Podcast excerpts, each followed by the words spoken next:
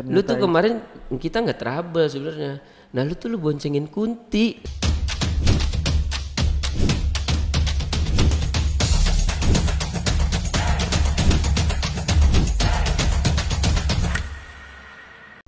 Hai guys, welcome back to CH Podcast, podcast Gudang Cerita. Jadi hari ini kayak kemarin Cindy belum bisa datang lagi. Ah, kan. Jadi kita harus lanjutin podcastnya.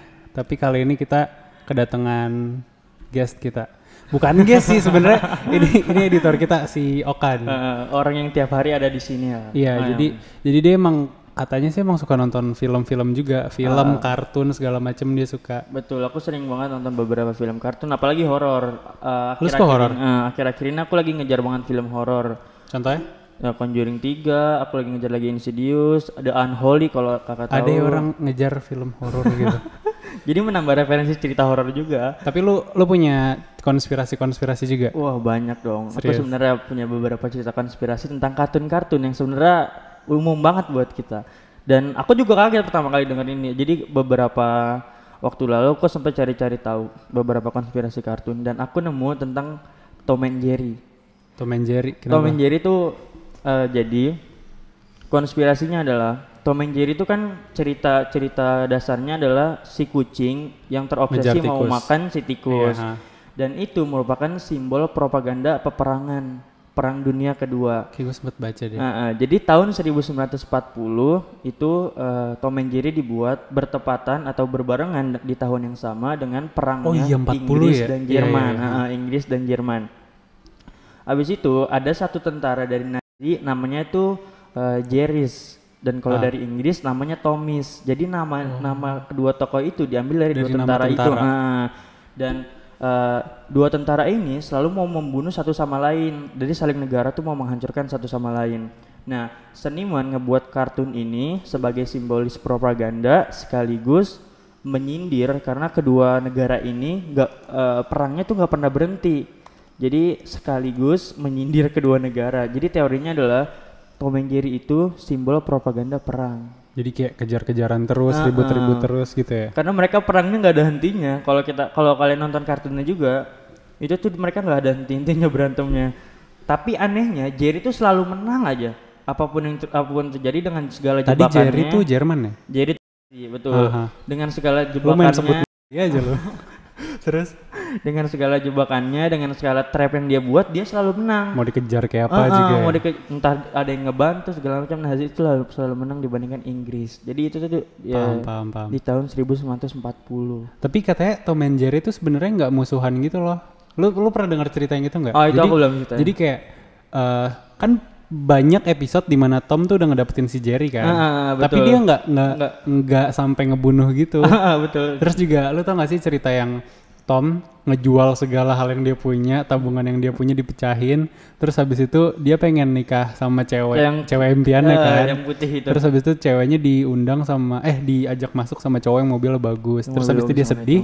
Pas habis dia sedih, Jerry ternyata sama juga. Cow- cewek yang disuka sama Jerry diambil sama tikus yang Tikus yang lebih yang, ah, lebih kaya yang lagi. lebih Terus kaya mereka kayak duduk berdua galau berdua gitu. Cek curhat-curhat gitu iya. Jadi beberapa momen kayak udah ketangkap tapi nggak mau dimakan. Terus Iya, ada ha. juga cerita yang mereka saling membantu kan dalam Iya, menyelesaikan masalah gitu. Jadi ya bisa benar bisa enggak sih teori ini. Tapi Tapi Gokil itu emang juga. udah film lama banget sih, kayak bokap gua aja suka gitu film itu. Padahal padahal TV tuh masuk Indo tahun berapa ya? 70-an kayaknya deh. 70, mungkin mungkin 80. hampir tahun 60 70-an gitu. Tapi keren. Aku juga jujur baru tahu ternyata Tom and Jerry itu dibuatnya tahun 1940. Iya, emang udah lama Itu banget. lama Ah. banget sih. Parah-parah. Terus Gokil. lu gua ada gua ada teori konspirasi nih, tapi Ah, dari Disney. nih. Lu tahu Rapunzel gak? tahu tahu. Pastilah siapa yang nggak tahu yang yang rambutnya panjang, Panjang banget. banget, ah. Nama filmnya itu Tangled. Jadi katanya Rapunzel ini meramal coronavirus COVID-19. Serius. nggak tahu meramal atau kayak kebetulan aja gue nggak tahu sih. Hmm. Jadi dia kan dari kecil di dikurung gitu kan sama nyokapnya dikurung, kan. nggak boleh keluar. dikurung nggak boleh keluar. Nah itu kita kayak kita sekarang aja kita sekarang kita aja nggak bisa ngundang guest hari ini gara-gara ada masalah sama covid gitu kan. Oh iya betul betul. Nah yang kedua nama kerajaannya di Rapunzel itu Kingdom of Corona.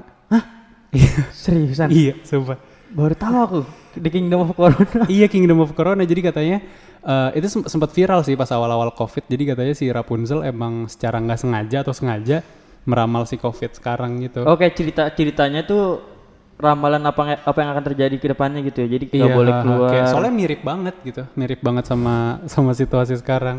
Iya Tapi sih, itu betul, itu kayak betul, betul. kebetulan sih, gue nggak tahu juga. Ah, benar. Tapi ada satu nih konspirasi yang kayaknya masuk akal. Lo tau Frozen kan? Ya, Anna Frozen, Elsa. tahu, tahu. Kalau Tarzan Elsa. tau nggak? Tarzan tahu dong. Nah, jadi katanya orang tuanya Elsa, Anna, itu sama aja. Eh, jadi katanya orang tuanya Anna sama Elsa itu orang tuanya Tarzan juga. Orang tuanya Tarzan. Nih, gini gini. maksudnya gini. gimana? Maksudnya gimana? Di awal film Frozen, orang tuanya meninggal kan? Meninggal, Kenapa? Tahu nggak? Lupa ya. tahu. Dia kan naik kapal, pengen pergi ke mana gitu kan? Naik kapal, Ah. katanya kapalnya kecelakaan. Tenggelam gitu mungkin. Ha-ha, Ah. katanya meninggal kan. Nah, terus orang tuanya Tarzan ada di mana lo tau nggak? di kota. nggak masuk akal kan masa Ah, tahu-tahu dia di ada di kota. ada di situ ada di ada di apa na- ada di hutan Nah, Ah. katanya orang tuanya Anna sama Elsa ini mereka emang kecelakaan kapal tapi nggak meninggal Terdampar. terdampar dan mamahnya si Anna Elsa ini hamil terus pas melahirkan ya udah melahirkan si Tarzan tapi mereka nggak survive di situ sedangkan si Tarzannya di Survive. survive karena ditolong sama gorila katanya kayak gitu soalnya kayak kalau dipikir-pikir kayak kenapa juga Tarzan bisa di tengah hutan sendiri gitu kan Ah, Tiba-tiba nggak ada yang segala macam kan. Oh iya Ah. sih masuk-masuk juga. terus lo ada Terus konspirasi lain iya, nggak? konspirasi lain aku ada. Itu kartun Masya and the Bear. Ini tuh kartunnya dari Rusia ya? Masya and the Bear aku lupa deh. kayaknya Rusia deh Ah, Rusia Masya. kalau nggak salah Rusia gitu. Jadi ceritanya itu Marsha tuh anak kecil yang terobsesi atau suka banget dengan sirkus. Eh, dia tuh cinta banget sama sirkus sampai terutama binatang-binatang yang ada di sirkus. Ah. Suatu hari dia dia bersama keluarganya itu datang ke acara sirkus. Mereka bertiga orang ayah ibu dan uh, Marsyanya. Hah. Karena Marsha suka banget sama beruang, akhirnya di tengah-tengah pertunjukan dia ke belakang ke kandang beruang. Ah, Uh, dia berpikir uh, binatang sirkus tuh kayak di kartun-kartun baik baik hati. Akhirnya Ah. dia masuk ke kandang beruang.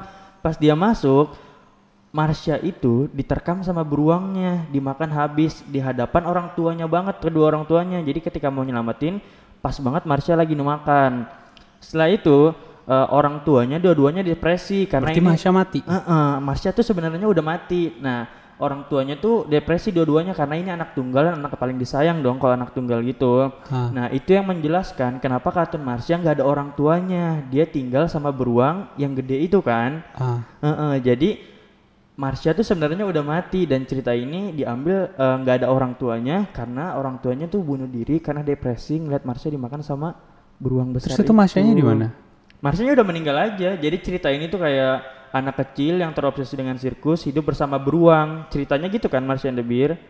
oh Heeh kan makanya beruangnya orang- mati nggak beruangnya nggak Beruangnya nggak mati. gue kira gue kira beruangnya mati terus itu kayak cerita Masya sama beruangnya di surga Enggak enggak. Jadi mereka mereka tuh hidup berdua karena Marsha tuh dibangun cerita cerita Marsha and the Bear kan gitu kan. Anak Aha. kecil yang sangat suka dengan sirkus dan tinggal bersama beruang. Jadi alasan kenapa nggak ada orang tuanya karena mereka bunuh diri depresi ngeliat ini Marsha itu. ini mirip sama cerita Doraemon tau Doraemon gimana? katanya kan lu tau kan Nobita tuh kayak bego banget gitu Ah, kan ah, ah, ah. katanya tuh Nobita pokoknya dia lagi kayak dia tuh hidupnya tuh sebenarnya di kasur doang gua nggak tahu koma atau kayak autis gitu Autis katanya gitu, ah. nah Doraemon ini tuh kayak lu tau lah kalau anak kecil punya namanya imaginary friend Imaginary nah katanya si Doraemon nih imaginary friendnya dia dan semua alat-alat yang didatengin semua ini itu yang dia pikirin tuh cuma kayak impian-impian dia yang dia pikirin supaya dia tuh bisa ngelewatin hidupnya gitu loh karena dia cuma bisa di kasur doang seumur hidup katanya Oh, gitu jadi kayak cuman hayalan dia semata. Mm-mm. Sebenarnya Kayak- dia nggak bisa apa-apa. ya? Iya kayak Riley tau gak sih Riley-nya Inside Out?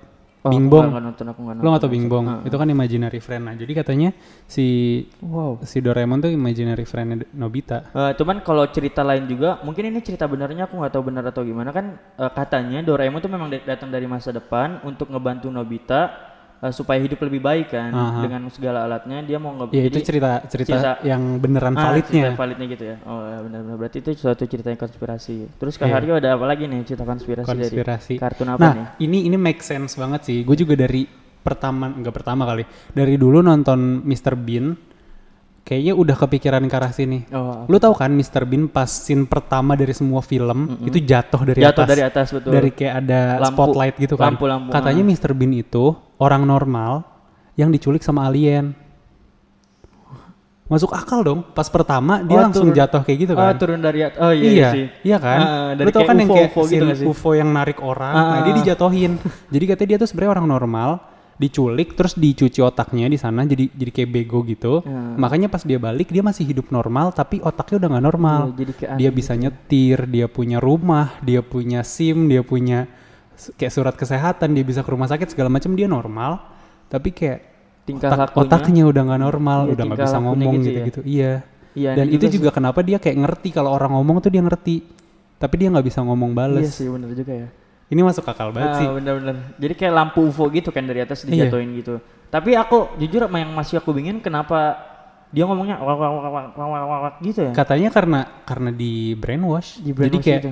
jadi kasarnya tuh kemampuan ah, gue gak tahu sih namanya akademik atau kayak apa gue gak ngerti. Uh. Kognitif gitu ya. Itunya hilang tapi kayak kemampuan yang kayak muscle memory-nya tuh ada orang. yang kayak nyetir segala macam Iya sih. gitu-gitu. Itu masuk akal sih benar juga. Satu dari UFO dan Yang bikin masuk akal tuh yang nguatin banget tuh yang itu, yang UFO itu.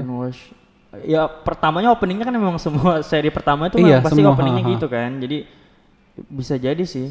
Oke, jadi kemarin kan gue bahas yang SpongeBob itu apa namanya dari korban, Eh, korban bom nuklir gitu Ah, kan. betul. Nah, lu tau kan SpongeBob eh, tiap hari tuh kayak aku siap, aku siap, aku, siap, gitu kan. kerja Katanya kerja. tuh dia mantan tentara. Mantan tentara. Iya. Terus dia kena sindrom namanya PTSD, PTS itu kayak penyakit kayak apa? penyakit mental gitu. Oh penyakit mental. Gue gak tahu lagi anjrit lupa.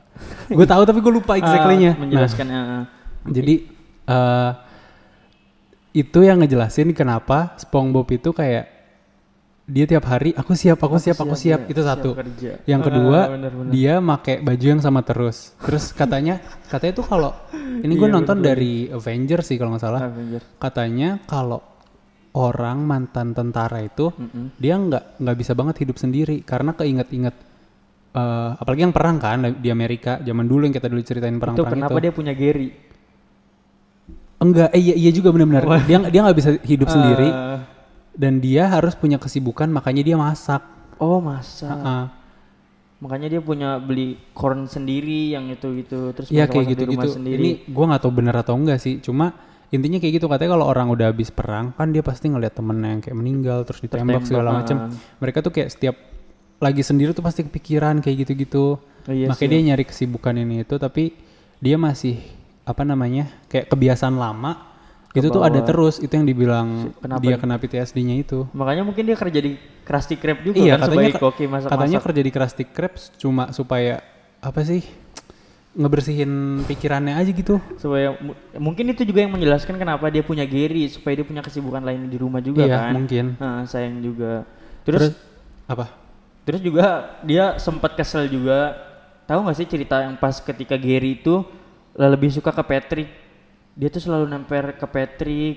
Jadi eh, ceritanya tuh si Gary Gua ingat, gua ingat. eh, si Gary tuh dimarahin terus sama SpongeBob gitu kan. Hah. Nah, akhirnya si Gary kayak ah kayaknya dia udah nggak sayang lagi sama gua kayak gitu. Akhirnya padahal cuma mau cookies Ah, doang ah, kan Ya, akhirnya si ada si Patrick yang ngasih cookies terus akhirnya Ah. dia senang sama Patrick dan dia nempel terus nah SpongeBob sedih depresi mau si Gary balik lagi tapi nggak bisa pas cookiesnya habis pas dia balik lagi habis, ke balik SpongeBob. lagi. iya mungkin itu kenapa dia eh gue pengen nge- gue pengen ganti gue pengen ganti kartun deh Ah, lu tahu Wall Wall E gak sih Wall-E yang robot sampah Wall E ro- robot iya Ah, yang lucu banget itu tahu tahu Nah, jadi gua ini bukan konspirasi. Blah. Ini bukan konspirasi sih, tapi Ah. kayaknya wall itu masa kayak bisa jadi masa depan kita anjir. Kebayang nggak? maksudnya Kebayang nggak? Kita global warming terus, sampah di mana-mana. oh Terus lu- keadaannya Lu inget nggak scene wall E yang ada orangnya, yang ada orangnya tahu tahu orangnya tahu. cuma duduk begini, terus ngeliatin monitor di depannya. Terus kalau kalau mau hubungan sama teman-temannya itu cuman kayak telepon, cuma ngeliat di sini, nggak pernah kontak Oh, langsung. iya tahu tahu tahu Bedanya sama kita duduk. sekarang apa? Gak ada. Kita kita sekarang cuma duduk doang kerjaannya. Cuma depan depan layar lah, Depan entah layar. laptop, entah apa, entah apa. Kita kalau hubungan sama orang apa? DM, DM, dari atau story. Ya kan, kalau enggak paling fit call. Kalau ketemu sama orang paling yang deket-deket Ah, doang. betul betul. Jadi Terus- keadaannya tuh yang Iya. ngeramal Kayak benar-benar segala hal tuh udah ada di layar gitu loh. Masuk akal kan mungkin masuk kayak akal sih keadaannya hampir sama kan. Jadi wall itu keadaannya buat teman-teman yang nggak tahu juga wall itu keadaannya di banyak sampah. iya jadi cerita Dia tuh- ceritanya Wall itu dia kayak bumi udah hancur Ah, betul. terus di dunia hancur. tuh banyak banget robot pengumpul sampah sampai di titik di mana manusia udah nggak bisa tinggal lagi dan akhirnya di, di- Diganti dengan robot semua. cuma Ah, robot doang dan mereka tinggal di kapal gitu Nah ya betul juga sih masuk akal juga. Apalagi se- sekarang udah kerjaan-kerjaan terus yang bisa terus ini terus ini terus ini yang yang relate banget. Apa kan eh, lu kan anaknya nggak main sosmed kan? Enggak, enggak, nah terlalu. jadi zaman dulu tuh orang kalau main internet itu sebagai distraction. Apa sih distraction bahasa Indonesia? Lupa. Terus pengganggu gitu. bukan peng- bukan pengganggu selingan, Oh, selingan, sebagai selingan, kan selingan. orang dulu buka internet untuk selingan sekarang orang ngelepas internet sebagai selingan ngerti gak sih Oh ngerti. sekarang orang sibuk di sini semua di nih sini semua. gua aja tadi pagi kayak cabut gitu nyetir nggak ya udah nyetir aja gitu cuma 15 menit baru balik lagi. iya balik gitu. lagi nah lu inget gak sih scene di Wall E yang dia tuh kalau nggak salah mau jat yang sebelahan ini kenal sebenarnya tapi dia nggak tahu kalau sebelahan terus dia jatuh, Jatuh terus kayak berdua. dia dia megang tangannya gitu nggak sengaja Wah, ingat aku lupa sih, aku lupa. jadi dia megang tangan terus dia yang kayak kayak kayak nge-recall wah anjir ternyata kayak this is life gitu kasarnya. Oh, ini hidup gitu. iya kan, jadi hidup kayak itu tuh relate banget sama kita. Maksudnya kita tuh sekarang sosmed mulu ini mulu pengen dapet like, pengen dapet komen, pengen dapet DM banyak. Tapi padahal kayak hidup yang sebenarnya tuh pas kita ngelepas itu semua, gitu. Betul baru kerasa hidup. Iya. Iya. setuju banget sih aku itu.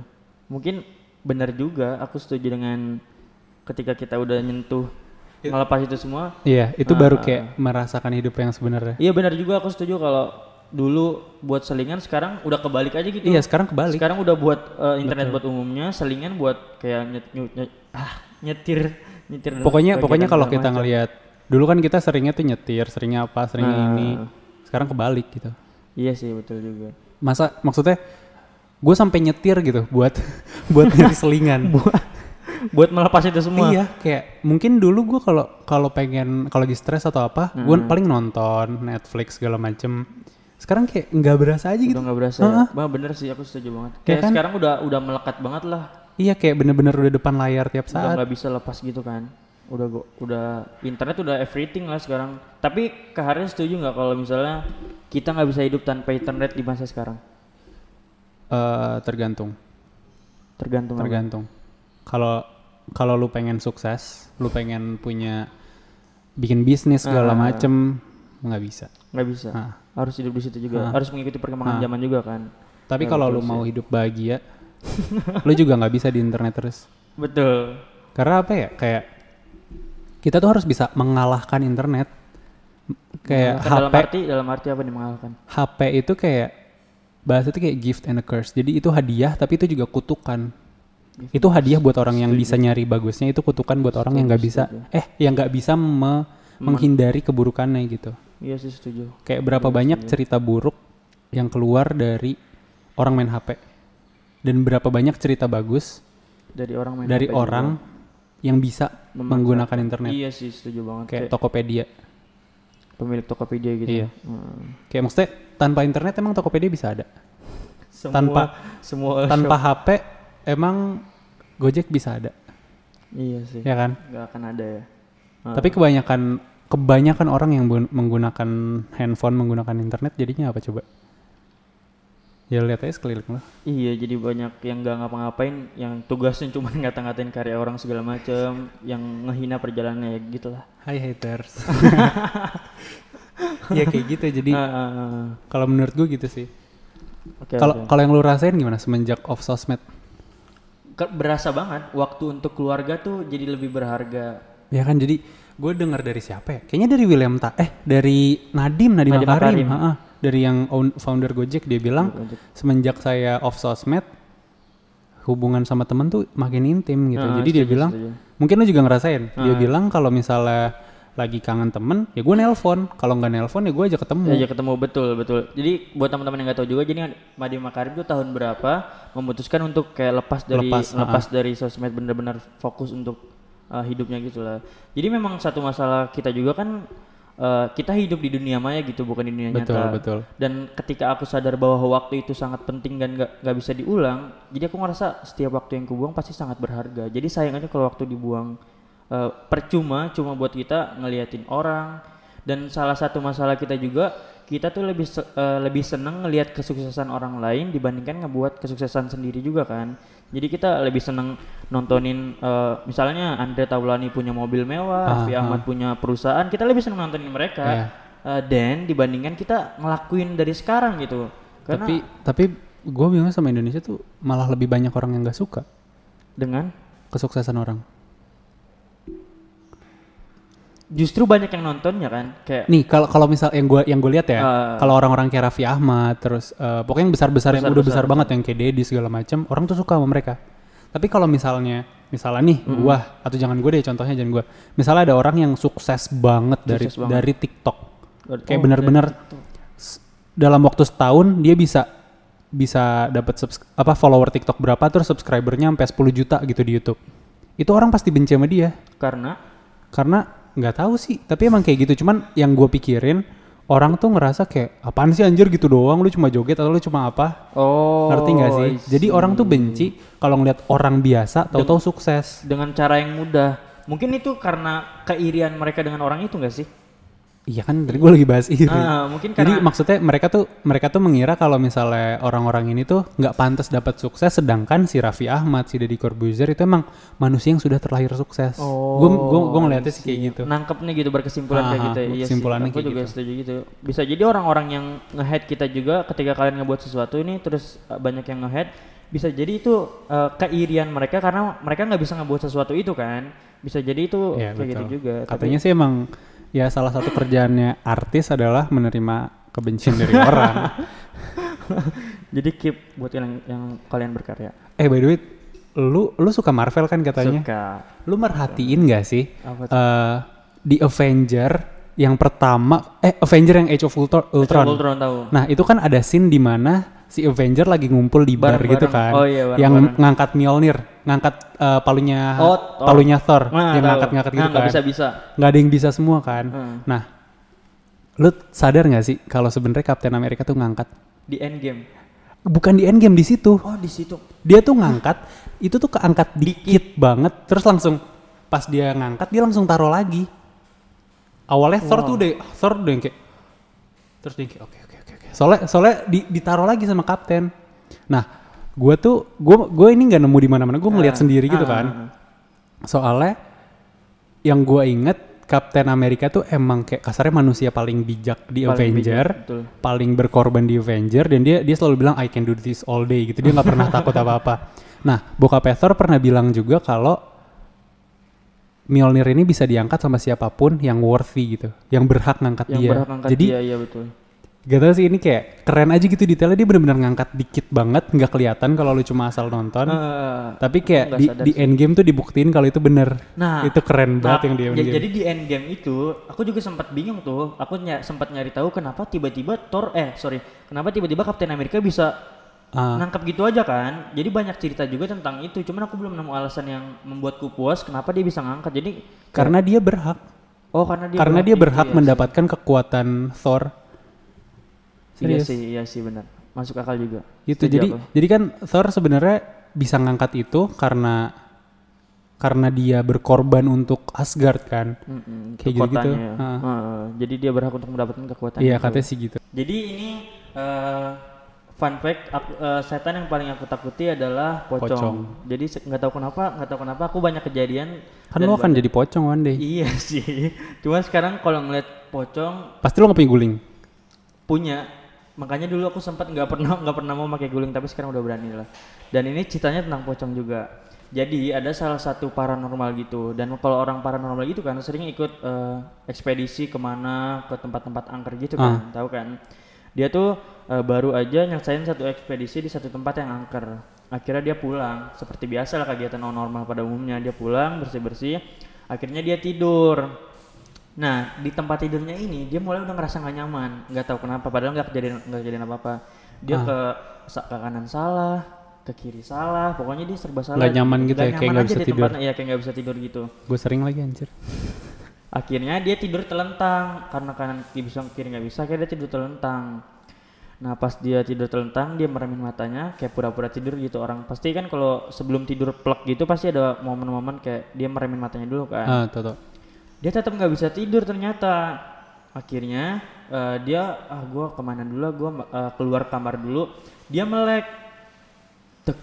Dan pas melek di depan mata dia ada pocong terbang. Dan in that position we can do anything kan. Kita nggak bisa ngelakuin apa-apa kan. Jadi persis di depan muka dia gini itu pocong Terbang. terbang. Jadi pocong berdiri gini loh kayak Kayak sama-sama tidur tapi Nah, di atas. roti lapis kayak roti lapis jadi bener papasan depan gitu jadi dia nggak bisa tidur. Mas Riki ketakutan.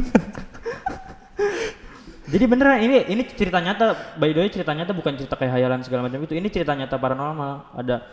Jadi dia merem pas melek tek bener-bener pocong di depan matanya. Dan kita nggak mungkin kayak wow nggak mungkin berontak gitu kan. Jadi kita pasti oh jadi pasti nggak nggak ada rasa apa pun. Nah setelah itu dia mutusin buat merem lagi karena udah nggak bisa apa-apa badan nggak bisa gerak kayak Oh ini gitu. belum selesai. belum dia merem lagi pas eh, pas melek baru eh, pocong itu hilang. Akhirnya dia keluar kamar minum segala macam. Nah itu alasan kenapa eh, aku suka banget kalau tidur pakai penutup mata. Oh, jadi paham, ketika paham. kita melek juga kita nggak akan melihat apa pun kan. Jadi Tahu-tahu lu megang aja makanya aku kalau udah merem tuh biasanya udah pantang banget buat melek karena aku ngeri ketika aku melek entah di pojok ada apa entah melek tiba-tiba ada apa jadi ketika aku udah merem aku kalau bisa gue jangan melek kalau bisa gue jangan melek gitu Paham, paham. Itu itu sih alasan gua kenapa gua nggak bisa tidur tanpa ada HP. Oh, entah denger HP. podcast, entah YouTube, entah apa harus ada suara soalnya soalnya apalagi kalau udah, udah jam 2, 12 ke atas tuh Ah, gua betul, betul. aduh nggak bisa banget pasti deh nggak ada su- suara, suara sekecil apa pun kedengeran kedengeran betul. apalagi samping gua tuh eh, tadinya garasi tapi jadi tempat gym tempat gym itu jadi gelap banget jadi Oh. kayak jendelanya tuh ke situ jendelanya ke situ jadi kayak nggak tahu parno aja tapi nggak pernah ada cerita Ah, sih makanya itu pokoknya makanya salah satu kenapa aku takut takut banget sama setan pocong karena referensi ceritaku banyak tentang pocong jadi kayak pocong tuh suatu hal yang menakutkan banget lah Eh tapi kata katanya Mas Riki pernah ini tau pernah touring terus ada cerita sama Wah, kuntilanak. kayaknya Mas Kiki Undang banyak sih. coba. Cerita, coba Mas, Mas cerita, Mas. cerita Mas. Jadi ini tuh editor kita juga guys. Selamat datang Mas Riki. Jadi Mas Kiki juga sering jalan-jalan ke tempat daerah-daerah. perkenalan dulu, perkenalan dulu. Jadi Mas Riki ini eh, temennya bokap gua. Dia udah kenal sama bokap gua dan gua kayak pengen cerita tentang cerita-cerita horornya bokap nanti nih. Cerita dulu Mas. Kayak punya pengalaman apa nih Mas ketika lagi jalan-jalan? Katanya dia dia suka touring gitu guys, suka touring motor ya. Ya touring motor. Betul, betul. Ada Tapi cerita. yang dialamin bukan guanya nih. Oh. Gua lagi nggak beruntung. ya. Lagi nggak beruntung. Lagi nggak- beruntung nggak- nggak dong seharusnya. ditemuin makhluk-makhluk halus gitu ya. Ceritain aja, ceritain. jadi ceritain. jadi gue waktu itu pernah ke Bali touring. Nah di sana ada orang yang touring juga. Ah. Maksudnya dia nggak touring, maksudnya dia pernah touring ke Bali. Nah itu dia lewat jalan Baluran, Jawa Timur. Oh, Baluran Jawa itu kalau kalian searching, waduh parah. Itu banyak banget misterinya. Jadi dia empat motor, touring empat motor. Satu motor satu orang ya, maksudnya sendiri-sendiri empat motor. Cet. Di Baluran itu jalan lurus, hutan. Kalau konon Oh berarti kata- kayak jalan yang kayak di foto-foto gitu ya kanan kiri sawah atau hutan gitu ya? Iya hutan, itu konon katanya dia salah satu tempat pembuangan mayat PKI kalau nggak salah. Oh. Fact banget. Udah empat aduh jadi merinding. Udah malam tuh posisi malam dia cerita pada saat riding riding riding empat motor. Nah yang motor pertama itu ada yang ngikut guys. Ada yang ngikut. Tapi yang, Diboncengin. yang belakang ngeliat dong seharusnya. Dia ada yang ngikut, Heeh. boncengin. Nah itu madepnya ke belakang. Gimana tuh? Jadi yang motor 2, 3, 4 itu langsung teng ngejauh Oh, gitu. langsung ngejauh gitu. Iya ngejauh ya. Ya lu mau mantengin dia. Boleh. Ya, kira nyalip gitu kan? Dia- Kira nyalip gitu dia kan? Dari dari ini udah udah udah udah pas ngeliat nih motor kedua ngeliat motor pertama boncengin Kunti ya waktu itu. Oh, Kunti. Terus dia langsung jauh.